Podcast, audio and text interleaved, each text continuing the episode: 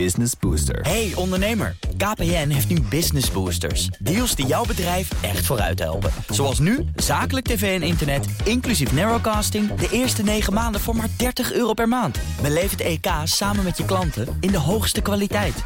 Kijk op kpn.com slash businessbooster. Business Booster. Stijl.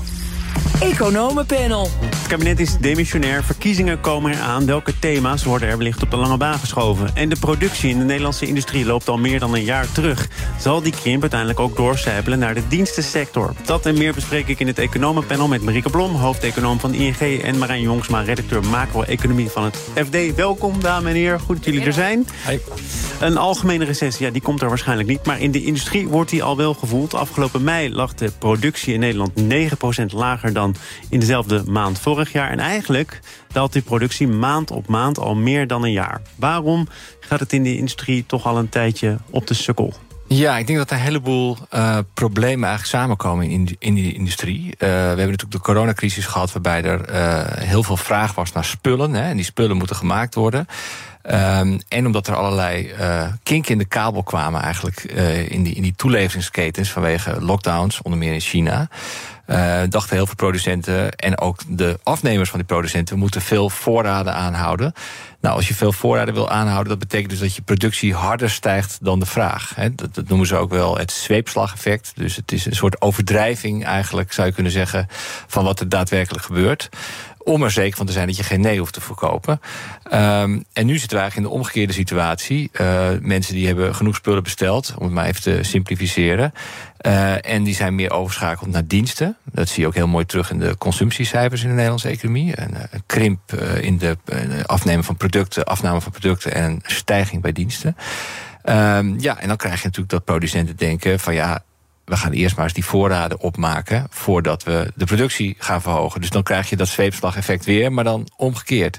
En daar speelt natuurlijk allemaal tussendoor nog een keer de Oekraïne-crisis, die natuurlijk volgde op de coronacrisis met hele hoge energieprijzen, waardoor uh, energie-intensieve producenten in Nederland en in Europa als, als in het algemeen het gewoon heel zwaar hebben. Chemie, papier.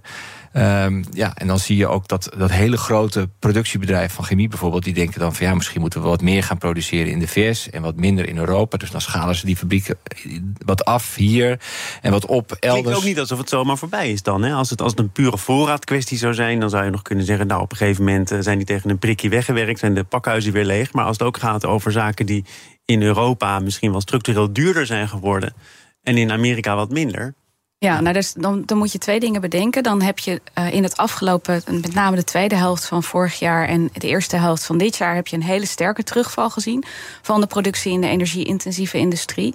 En als je uh, ziet, er is echt veel minder gas gebruikt in het uh, vorige jaar, in 2022, dan zeg maar het historisch gemiddelde.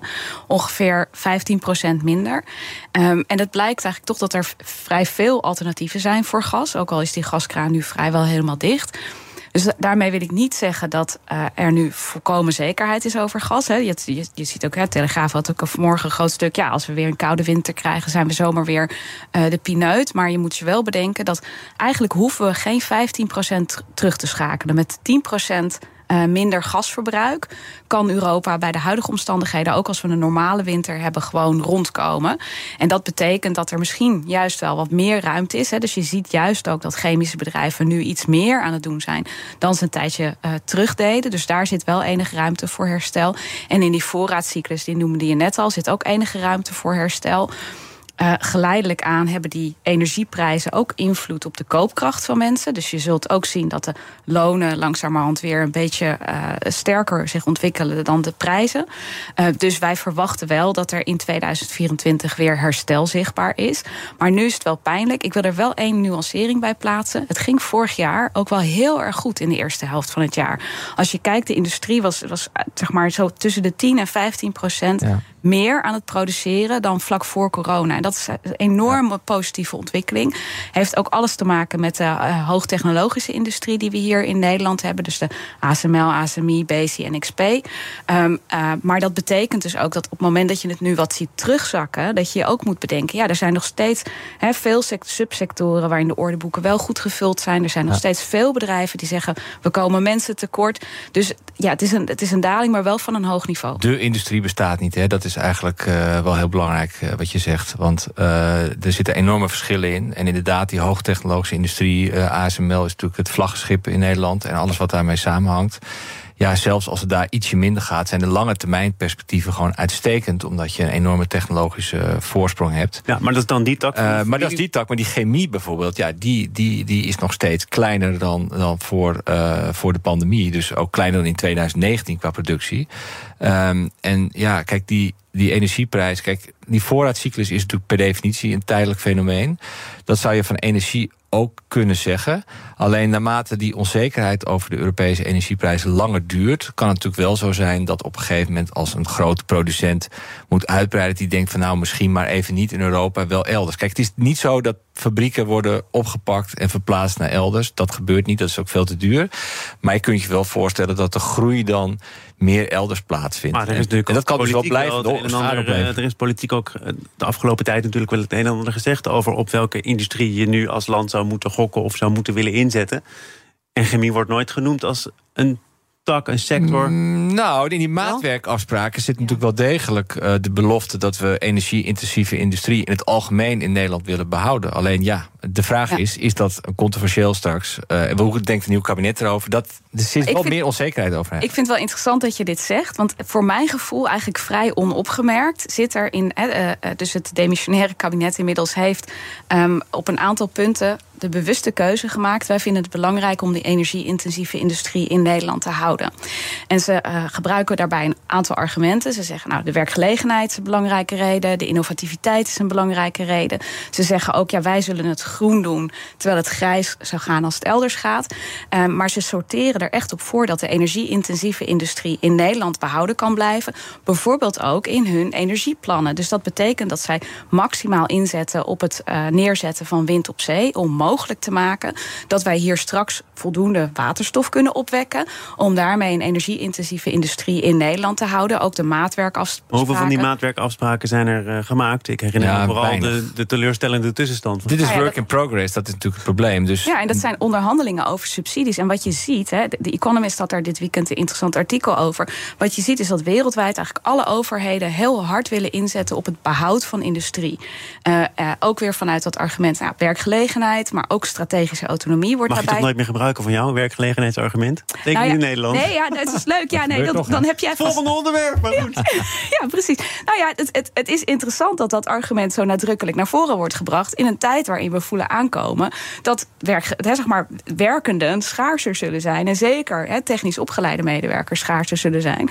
Uh, maar dat is wel waar uh, overheden zich op beroepen. Nou, de Economist zegt dan ook nog een keer: ja, maar luister, de industrie is al lang meer, niet meer zo arbeidsintensief nee. als die vroeger was. Hè? Maar dat is weer een beetje ontkrachting van mijn eigen reden. Van, ja, je hoeft het überhaupt niet om, uh, om de werkgelegenheid te doen op dit moment. Uh, maar je ziet dus dat er een soort strijd is tussen verschillende overheden en verschillende landen. En die maatwerkafspraken is ook een vorm van subsidie hè, om mogelijk te maken dat die uh, bedrijven hier blijven. Dus, dus jij zegt, ja, je hebt helemaal niet gehoord dat de chemie hier moet blijven. Ja, wel degelijk, denk ik. Dat ja, dat inzet en, is. En ik denk dat er ook nog een beetje angst is dat als je een, een sector als industrie uh, langzaam laat verdwijnen, uh, er zit natuurlijk heel veel aan vast. Dat, en dat is heel lastig volgens mij te kwantificeren. Want er zitten natuurlijk allerlei diensten vast: transport, uh, juridische diensten, verzekeringen, noem maar op. Aan de industrie. Dus, dus je ziet vaak dat discussies over sectoren in Nederland gaat heel vaak van nou dan kijken we hoe zoveel procent van BBP. Landbouw is een heel bekend voorbeeld. Hè. Dus zo, de boeren anderhalf procent BBP. Dus ja, hoe erg is het als de boer uit Nederland verdwijnt? Hè? Ik, ik chasseer nu even. Hè. Daar is niemand natuurlijk voor. Uh, althans niet volledig. Um, maar ja, er zitten natuurlijk uh, allerlei uh, schakels daarvoor en daarna. Als je die optelt, dan zit je in de agrarische sector... dan zit je al tegen de 7% bijvoorbeeld. En, en bij industrie is direct 12, dus dat is al, dat is al fors. Maar dan heb je de hele industrie, hè, dus dat is, dat is maar de energie-intensieve daar maar een deel van. Maar je weet dus niet precies, als je dat eruit haalt... wat het betekent voor de structuur van je economie. En dat is ja, dat is, dat is lastig. Maar verdient Nederland niet in toenemende mate vooral geld met diensten en in afnemende mate met industrie? Ja, maar ik weet niet of je kunt zeggen dat je die diensten helemaal in de benen kunt houden als je alle industrie zou afschaffen. Nou, in het CPB, dat, het klopt wat je zegt. Hè. Het CPB heeft eh, toevallig uh, net een hele mooie lange termijn studie uh, gemaakt. waarin ze laten zien dat de industrie inderdaad afneemt. Minder groot is dan in andere landen. maar de laatste jaren heeft de industrie wel een relatief sterke groei doorgemaakt. Dus het zou mij niet verbazen als in de laatste paar jaar als aandeel van het BBP dat iets omhoog is gegaan. En het is ook echt wel een onderschatting, omdat wat industriële bedrijven gedaan hebben, is allerlei activiteiten outsourcen. En ik noem maar wat, als vroeger de schoonmakers van de kantoor gebouwen werden meegerekend in de industrie en ze worden nu ingehuurd, dan krijg je eigenlijk ook een kunstmatig beeld dat de industrie wat kleiner aan het worden is. Uh, vergeleken met andere landen is het in Nederland wel relatief klein. Um, en ik vond het ook grappig, die Economist noemde geloof ik Denemarken als voorbeeld. En die zeiden van ja, die heeft ook een, heeft een kleine industriële sector, maar desondanks een sterke, robuuste economie met ook veel groei. Want ook in de dienstensector zie je tegenwoordig steeds meer groei door allerlei innovaties zoals AI en noem maar op allemaal. Um, Um, dus, dus nou ja, ik denk dat het wel een vraagstuk is. Hè, zeg maar, is dit nu wel of niet controversieel? Gaat, er, gaat, gaat de, uh, uh, het demissionaire kabinet door met het maken van die maatwerkafspraken? Um, en wat wordt er nou precies gedaan met die economische visie en die, uh, dat, dat Nationaal Plan Energie wat nu op tafel ligt? Ik denk dat we daar maar eens over moeten doorpraten. BNR Nieuwsradio. Zaken doen. Thomas van Zeil. Het economenpanel is de gast Marieke Blom en Marijn Jongsma. Er komt inderdaad na de val van eh, Rutte 4 een nieuw kabinet. De campagne is zo goed als begonnen. Lijsttrekkers melden zich of haken al af. Uh, en uh, om met jou te beginnen, Marijn. Jij schreef afgelopen vrijdag, zaterdag een stuk in de krant... met als titel Rutte 4 laat oververhitte economie in de stijgers achter. Wat is daar het grote bezwaar van?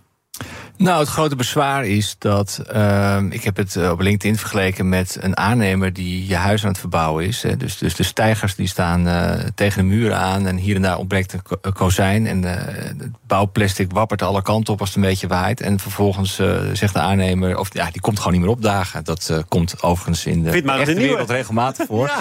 en, dan, en dan vervolgens moet er een verkiezing voor een nieuwe aannemer komen. En dan de vraag wie gaat het doen. kijk. Um, ik, ik, zit al een tijdje in de journalistiek. En ik heb dus ook al eens eerder geschreven over potentiële uh, gevolgen, economische gevolgen van een kabinetsval. En de antwoorden waren eigenlijk altijd hetzelfde. Van ja, nee ja, maar goed, uh, als de beurs in New York crasht, hebben we daar meer last van dan van een kabinetsval. Uh, als de rente in Frankfurt wordt verhoogd, dan, dan voelen we daar meer van. En er werd zelfs vaak een beetje cynisch aan toegevoegd van ja, dan kunnen ze ook geen domme dingen doen. Dus per saldo is het positief. Maar eh, we zitten natuurlijk in, uh, staan aan de vooravond van de grootste verbouwing van de Nederlandse economie in, in decennia. Hè. We moeten overstappen naar, uh, nou, zoals Marieke net al vertelde, die hele waterstofeconomie. Dat vergt gigantische investeringen, aanpassing van de infrastructuur. Nou, dat is nu heel lastig, omdat je onder meer dat stikstofdossier nog niet goed hebt opgelost. Er is wel een uitkoopregeling, maar we weten niet of genoeg boeren daar gebruik van maken. Dus er zal misschien iets ingrijpenders moeten gebeuren om het land weer van slot te houden. fondsen voor ingericht, waarvan ook maar de vraag is in hoeverre die dan overeind blijven. Ook dat nog een keertje. Hoe denkt de nieuwe regering erover? Dus het is allemaal heel ingewikkeld. En dat betekent dus dat je eigenlijk midden in die grootscheepse verbouwing... Uh, ja, geeft de stuurman de helm over en we weten niet aan wie... en we weten niet wanneer die uh, aan, uh, aan het boodschap. En nog heel even hoor, want, want we hebben het op deze plek ook wel eens over een recessie... en of die er nou wel of niet aan zit te komen... of dat we daarmee flirten, net weten te ontkomen. Een, een economie kan dus en oververhit zijn en tegen een recessie aanschuren. Om nog even een definitieve kwestie ja, eraan te toevoegen. Ja, precies. Maar dat betekent dus dat je eigenlijk op volle kracht, van volle kracht draaien. Iedereen, hè, zeg maar alle hens aan dek. En we hebben eigenlijk niet genoeg mensen om het werk gedaan te krijgen. Dat is de situatie waar we denk ik in zaten zo hè, rond de jaarwisseling. Uh, en nu zie je dat in het eerste kwartaal hebben we natuurlijk wat krimp gezien. Wij denken overigens ook dat het tweede kwartaal krimp zal laten zien. Dus dan zitten we in een technische recessie. Maar waarom zeg ik er zo nadrukkelijk technisch bij? Ja, omdat de werkgelegenheid eigenlijk nog steeds goed is. Omdat het niet zo is dat we nu dat we opeens helemaal in elkaar gaan storten. En dan denk ik ook dat die dat cyclische element van wat de overheid bij te dragen heeft aan de economie, eerlijk gezegd niet zo'n ramp is nu voor de economie. Wat je, wat je ziet is dat de overheid zich heeft ontpopt tot een soort banenmotor. Uh, heel veel vragen in allerlei uh, sectoren extra heeft neergezet. Op allerlei manieren. Uh, al die fondsen die jagen natuurlijk ook de economie aan in een bepaalde richting. Um, en dat betekent dat op het moment dat je economie zo oververhit is, dat die eigenlijk het wel kan hebben. Dat die even wat minder draait. Al zullen er nog steeds mensen zijn die daar de vervelende gevolgen van ondervinden. Maar dat is relatief klein. Het grote punt zit hem veel meer in die lange termijn vragen. En dat betekent dus ook gewoon dat ondernemers die, die zich daarop wilden voorbereiden, daarop voor wilden sorteren, of dat nou boeren zijn die op een andere manier willen gaan werken, energieinfrastructuur, noem maar op. Dat die ook wat minder zullen investeren. En daar merk je wel iets van. Maar nogmaals, daar zit dus niet de grootste pijn. Die zit echt op de lange termijn. Maar in, in hoeverre is de lange termijn nog iets uh, waar je heel veel politieke smaak aan kunt uh, toevoegen? Want juist. ja, ja ik denk, ja? ja? ik denk juist dat, dat uh, zeg maar, hè, mijn overtuiging is dat dat beleid geeft juist de economie op lange termijn vorm. en economen zijn er vaak helemaal niet zo enthousiast over als overheden op korte termijn hè, de, de, de conjunctuur aanzwengelen of afremmen. En dan wil je eigenlijk een zo neutraal mogelijke overheid. Maar een overheid bepaalt ja, eigenlijk de brede welvaartsafwegingen van wie uh, wie ondersteunen we? Uh, hoeveel investeren we in onderwijs? Hoe belangrijk maken we infrastructuur? Inderdaad, hè, wat voor prikkels geven wij voor bepaalde industriële sectoren? Ja, de regelruimte die je geeft en voor een deel ook de financiële ruimte die je geeft. Dat bepaalt uiteindelijk hoe je economie zich ontwikkelt op lange termijn. In dat meeste werk van Marijn kwamen een paar economen aan het woord. Eén van die economen ben jij. Klopt. kwam net al kort aan de orde. Maar jij zei wel, de opdracht voor het volgende kabinet is wel dat er er een besef is dat geld en arbeid schaars zullen zijn. Ehm, tot welk beleid leidt dat dan als je dat inderdaad als kabinet even goed tussen de oren knoopt? Ja, nou ja, in ieder geval niet in. Kijk, wat het kabinet nu doet. We, we hebben heel veel ruimte in de overheidsfinanciën. Want we hebben relatief een hele lage staatsschuld. Maar wat het kabinet doet met al die fondsen. is eigenlijk in heel weinig tijd. die ruimte die er is in eenmalige bedragen. in de economie stoppen. En dan kan je je dat wat betreft de overheidsfinanciën misschien nog wel permitteren al is het niet netjes. Maar wat er gebeurt, is dat je daarmee in een hele korte termijn de economie, in, in de economie een heel ander type vraag creëert. Waarvan je je maar moet afvragen of het nou zo efficiënt is. Of maar het nou slimme nog niet op. Het is toch nog niet allemaal aangesproken, die, nee, nee, 60 miljard? Nee, maar het gaat ook niet alleen maar of je het kunt uitgeven. Het gaat ook of je het wel moet doen. Hè? Want, want dat, het, dat is een beetje het punt. Uh, de, de, discussie over overheidsschuld gaat heel vaak over... ja, wordt die schuld niet te groot? Nou, die schuld is op het ogenblik vrij laag, relatief gezien. Dus daar zit het acute probleem niet. Het acute probleem zit meer in het feit dat de overheid... een hele belangrijke vragende partij is in de economie. En die economie, zoals Marieke net ook uitlegt... die die is oververhit. Die koelt dan wel een beetje af, maar is nog steeds oververhit. We draaien eigenlijk harder dan we aan kunnen. En als de overheid dan daar nog eens een keer uh, brandstof bij gooit... Ja, dan, dan betekent alleen maar dat de economie gaat daar niet harder van draaien... maar de inflatie loopt verder op. Daar rij, je ook nog eens een keer het, ECB-beleid mee in de wielen. En, en dat is ook een beetje de angst die veel economen nu hebben... is dat er op lange termijn misschien te weinig gebeurt... of dat dossiers onvoldoende snel worden opgepikt. Uh, maar dat op korte termijn juist uh, conflicten worden vermeden... door toch maar weer hele Die tijd voorbij. Ik heb, ik heb de demissionaire minister van Financiën regelmatig horen zeggen... zeker het afgelopen jaar dat de kraan een keertje dicht gaat. Ja. En het lastige is dat Nederland eigenlijk niet wordt afgestraft. Hè. Dus het is niet zo dat we bijvoorbeeld plotseling een hogere rente gaan. Ja, we, gaan, we zijn wel een hogere rente gaan betalen. Maar we worden nog steeds gezien als een heel veilig land. En dat zijn we ook, omdat er zoveel ruimte in zit. Dus er, er ontstaat wel wat druk vanuit die stijgende rente.